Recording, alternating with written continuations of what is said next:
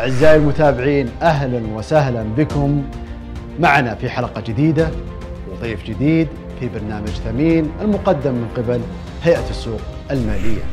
تابعونا لنصائح مبسطة وذات قيمة عالية.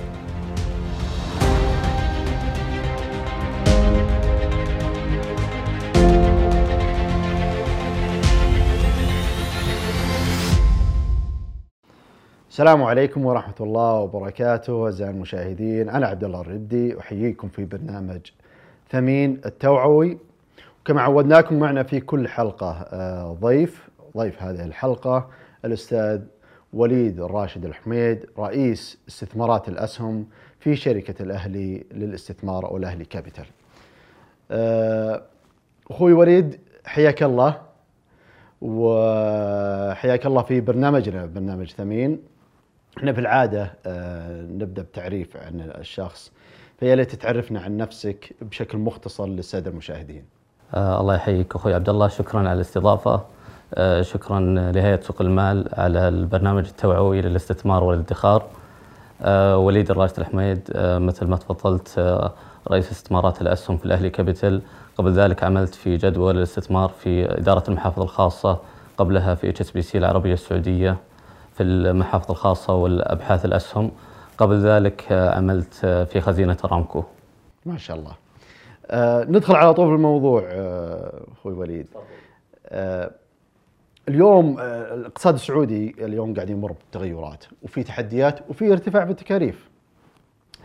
هذا يتطلب من ال ال ال ال الإنسان العادي إنه يبحث عن الادخار. آه، طبعا ارتفاعات التكاليف يبدأ تقل عنده ال- ال- ال- الاستهلاك ويبحث عن الادخار. هل ترى أنه الادخار اليوم أصبح ضروري؟ وإذا أصبح ضروري وش الآليات اللي ممكن يستخدمها ال- الشخص العادي على أساس أنه يستطيع أن يدخر؟ آه، بداية آه، في قاعدة استثمارية مهمة جدا أن الاستثمار موجود في كل مكان وزمان الفرص الاستثمارية متوفرة دائما وأبدا بالنسبة للادخار فهو ضرورة بغض النظر عن الظروف الاقتصادية آليات هذه ال- ال- الادخار مختلفة ومتعددة أهمها هو الادخار الدوري بشكل سواء شهري ربع سنوي نصف سنوي أو خلال أو بشكل سنوي ممتاز. طيب آه، هل في هناك شيء اسمه الادخار الاستثماري؟ مصطلح الادخار الاستثماري يطرح فيه بعض. نعم نعم يوجد هذا المصطلح. وش تعريف المد... الادخار لأجل الاستثمار. على سبيل المثال ذكرنا الادخار ال- الدوري. آه، هناك لو افترضنا أنه في شخص يستقطع من راتبه دخله ألف ريال على سبيل المثال آه، استثمر هذا الاستقطاع هال- هالمبلغ هذا واستثمره في سوق الأسهم سهم قيادي مثل معادن. آه، في سهم قيادي في قطاع واعد. آه، طرح آه، في النصف الثاني من عام 2008 الاستثمار الاستقطاع ل 1000 ريال من آه، منذ 2008 منذ الإدراج إلى الشهر الماضي فبراير 2018 يعتبر 116 شهر. هذا يساوي 116 ألف ريال. ال 116 ألف ريال تعادل الآن تقريبا 240 ألف ريال. أي ما يساوي معدل آه، عوائد سنوي 13.5% طيب على موضوع شوي مختلف الادخار نتكلم على الاستثمار. هل الاستثمار مهم؟ آه، جدا مهم. ليه مهم؟ مهم آه، لتلبية الالتزامات الحالية والمستقبلية للفرد سواء لشراء مسكن زواج تعليم أطفال. بالإضافة إلى تنمية رأس المال وتنمية الثروة يعني ال- الم- الم- المقصد من الاستثمار إنه على أساس إنه تحافظ أو إنه تن تنمي بالأصح رأس المال وطبعا تحمي ضد التضخم عوامل التضخم والعوامل الثانية لأنه قد تسبب تآكل لرأس المال. طيب من أنواع الاستثمار الأسواق المالية. جميل. الأسواق المالية دائما يسمعون الناس مصطلح الأسواق المالية، وش ما وش يقصد بالأسواق المالية؟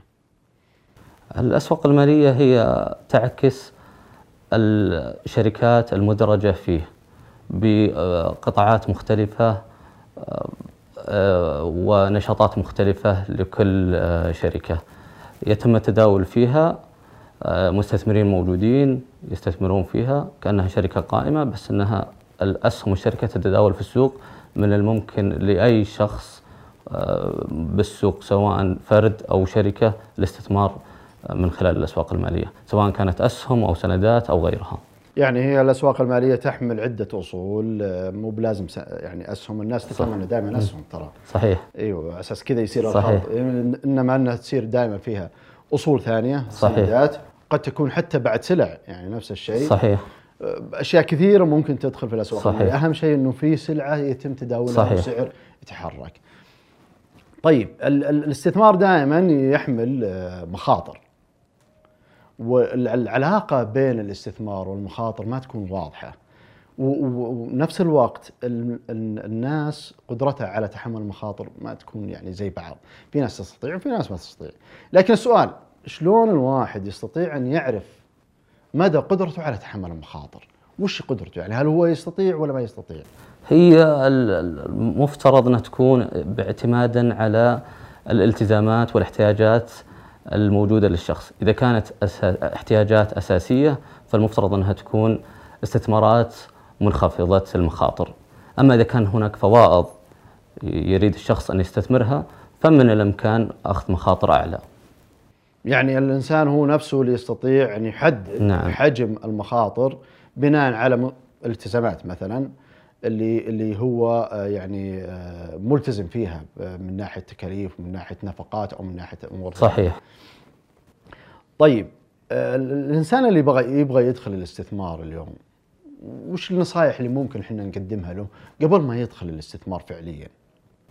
في عدة نصائح أهمها واحد تحديد الهدف الاستثماري اثنين تحديد درجة المخاطر ثلاثة استشارة الأشخاص المؤهلين والمرخصين من قبل هيئة سوق المال. إذا تسمح لي آه، أذكر تجربة شخصية آه، حصلت لي آه، خلال الأزمة المالية العالمية نهاية 2008 بداية 2009 قررت الاستثمار في أمريكا في سوق الأسهم، استثمرت في شركة أجهزة طبية كانت شركة ناشئة. شريت السهم 7 سنت.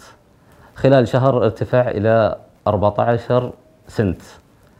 100% دبل 100% خلال شهر. أنا اعتقدت شخصيا هذا بداية الثراء. فبعد فترة وجيزة الربح ال 100% أصبح خسارة 100% صفر. أفلست الشركة. أفلست الشركة. فعدم المعرفة لا بالشركة ولا بالسوق كان سبب رئيسي للخساره الفادحة. بالإضافة إلى عامل الطمع للأمانة. أيوه. إحنا المشكلة هذه فعلا نقطة مهمة لأنه اليوم كثير من الناس اليوم يسمع التوصيات زين ويسمع التوصيات ويشتري زي ما يقولون على علامات صحيح. إي. ما هو عارف وش الشركة يشتري فيها مع إنه إحنا طبعا بالسوق السعودي الشركات محدودة بكثير يعني يستطيع أن يعرف المعلومة مو زي أمريكا مثلا مئات الآلاف. بينما السوق السعودي محدود. مع ذلك يشتري شركات لو تسأله اليوم يقول لك أنا ما أدري وش صحيح. ولا ما أدري وين وين تشتغل فيها صحيح أساسا. صحيح. مع ذلك يشتري فيها بناء على التوصيه وهذه واحدة من الأشياء اللي تؤدي إلى الخسائر. طيب سؤال آخر عن عن رب الأسرة اليوم العادي اللي يحاول إنه آه، ينظم شؤون الأسرة وشؤونها المالية. كيف تنصح إنه يسوي تخطيط؟ المالي له كأسرة وكرب أسرة على أساس إنه يستطيع أن يوازن بين النفقات وبين والمصاريف وبين الدخل الشهري. هو من المهم لرب الأسرة والفرد معرفة التزاماته المتوقعة خلال خمس إلى عشر سنوات على سبيل المثال بالتالي تخطيطها سواء ادخار مثل ما ذكرنا بشكل دوري أو غيرها من الآليات الادخار الأخرى. طيب إذا كان في شخص عنده يعني مبالغ مالية اليوم وعنده ثروة لو كانت بسيطة وحب أنه يستثمر اليوم هل يستطيع أن يروح يستثمر كذا مباشرة بدون أي معرفة بدون أي معلومات ولا العملية تحتاج إلى بحث وتقصي وتحتاج إلى إنك تكون عندك معلومات كاملة عن الاستثمار اللي أنت تدخل فيه. آه، المعرفة والخبرة مهمة جدا لاختيار الاستثمار المناسب. هناك عدة آه، يعني قنوات وأدوات استثمارية مثل ما ذكرنا الأسهم العقار الاستثمار المباشر بالشركات وغيرها. فيه صناديق الاستثمار. هذه أنا أعتقد أنها جدا مناسبة للأشخاص اللي غير متفرغين وفي أشخاص غير متخصصين وفي أشخاص غير متفرغين وغير متخصصين. فالاستثمار عن طريق الصناديق باعتقادي هو الأفضل بالنسبة لهذه الفئة من الناس. طبعا أنت الحين لو قلت الحين عن طريق الصناديق يعني بغض النظر أنكم أنتم طبعا تديرون صناديق. ما هي دعايه لكن لأنكم أنتم متخصصين في الموضوع هذا. بجيب مثال بس على أساس الناس اللي اللي آه تعتقد أن الاستثمار بالأسهم سهل. بينما هو من أصعب الأشياء الاستثمار في الأسهم هو زيه زيه الاستثمار في أي نشاط تجاري. إذا أنت استثمرت في نشاط تجاري أنت ما تعرف فيه شيء شيء من الطبيعي إنك تتوقع الخسارة. إذا استثمرت نفس الشيء في سوق الأسهم وأنت ما تعرف كيف تستثمر في سوق الأسهم يعني ما تعرف عن الشركة وقوائمها المالية ومعلومات عنها من الطبيعي إنك تتوقع إنك خسارة. لذلك من الأفضل وأنا يعني أشيد بكلامك إنه إذا كان الشخص العادي ما يعرف لابد أن يبحث المختصين يديروا الاستثمارات وعن طريق صناديق بالضبط. آه الاستثمارية. بالضبط. مثل ما تفضلت وذكرت الأسهم هي مثل التجارة فيها ربح وخسارة. بالنسبة وش يميز الصناديق الاستثمارية عن غيرها؟ أنه في فريق عمل مختص إذا أخذنا على سبيل المثال صندوق أسهم استثماري فريق عمل مكون من مدراء صناديق ومدراء محافظ بالإضافة إلى محللين أبحاث. عملهم اليومي والأساسي هو إدارة هذه الصناديق وتحليل القوائم المالية بشكل مفصل. صحيح. مثل ما ذكرنا الادخار الدوري في شركة معادن الادخار ممكن يكون عن طريق الصناديق الاستثمارية. في صندوق آه، من الصناديق اللي تعتبر الأولى الأولى بالنسبة للأسهم أسس في عام 1998 الصندوق هذا آه، من فترة طرحه منذ الإنشاء إلى نهاية الشهر الماضي الفترة تعتبر 238 شهر. الاستقطاع لو قلنا 1000 ريال مثل الاستقطاع اللي كان في معادن هذه 238 ألف ريال. الآن هذا المبلغ يساوي تقريبا 630 ألف ريال أي ما يعادل عائد سنوي آه، بنسبة 9% وهذا طبعا المفروض إنه يعيه كل الأشخاص العاديين زين بحكم السوق اليوم يتحكم فيه أفراد كثير يعني. وللأسف كثير منهم ما يعرف حتى لو تسالوه ما عنده معلومات وحنا نتمنى إن شاء الله أن ينتشر الوعي هذا وعلى الأقل ينتقل السوق إلى سوق محترفين. آه، أخوي وليد أنا شاكر لك آه، يعني حضورك آه، اليوم وشاكر كل هالمعلومات اللي أنت قدمتها. شكرا لك الله يسلمك. شكرا على الاستضافة. على هذه المشاركة. هذا واجبنا الله يسلمك. وشكرا لكم أعزائي المشاهدين. وزي ما عودناكم إن شاء الله ترقبوا إن شاء الله حلقة قادمة بإذن الله من برنامج آه، ثمين التوعوي. والسلام عليكم ورحمة الله وبركاته.